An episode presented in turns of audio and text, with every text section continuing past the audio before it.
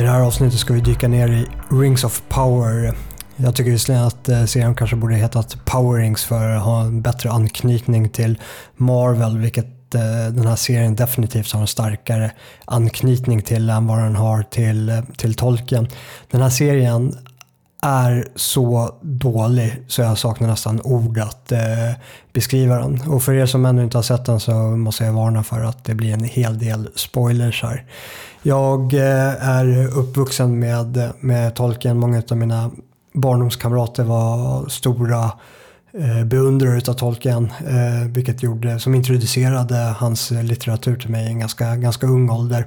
Jag fastnade kanske inte lika fullt mycket för eh, eh Sagan om Midgård, den här fantasivärlden som eh, Tolkien har, har byggt upp. Men jag hade ändå en stark uppskattning för. Och jag läste eh, Sagan om ringen-trilogin och eh, Hobbit och Hobbiten.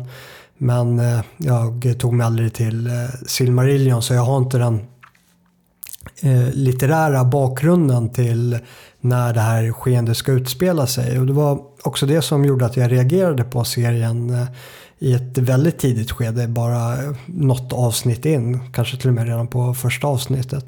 Och det var att jag kände bara att Tolkien kan inte vara en så här dålig författare.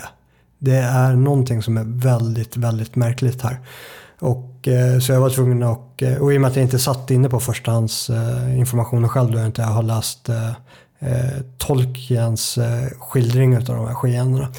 Så, och, och, anledningen varför jag kände att det, att det var någonting som var skevt här var att det, det kändes som att ibland när man arbetar, kanske inte bara med film utan eh, inom eh, många yrkeskategorier så kan man göra vad som kan kallas för en, en preset. Alltså att du har en färdigutarbetad mall som du kan fylla med eh, information eller skeenden eller händelser eh, som redan har ett eh, förarbete i sig vilket gör att det blir en ganska smidig process att eh, ta sig framåt.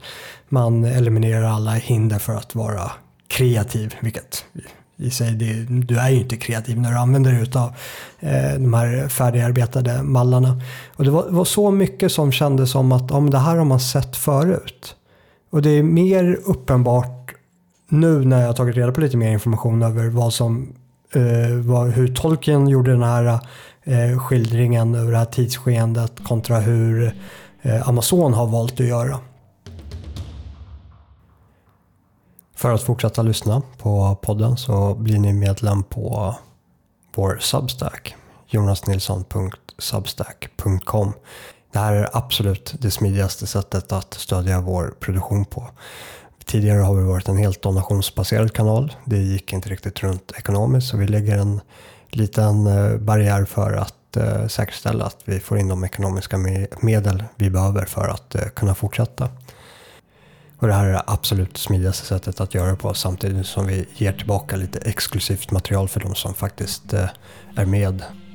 Vi syns bakom kulisserna på jonasnilsson.substack.com. Och så hörs vi till nästa avsnitt.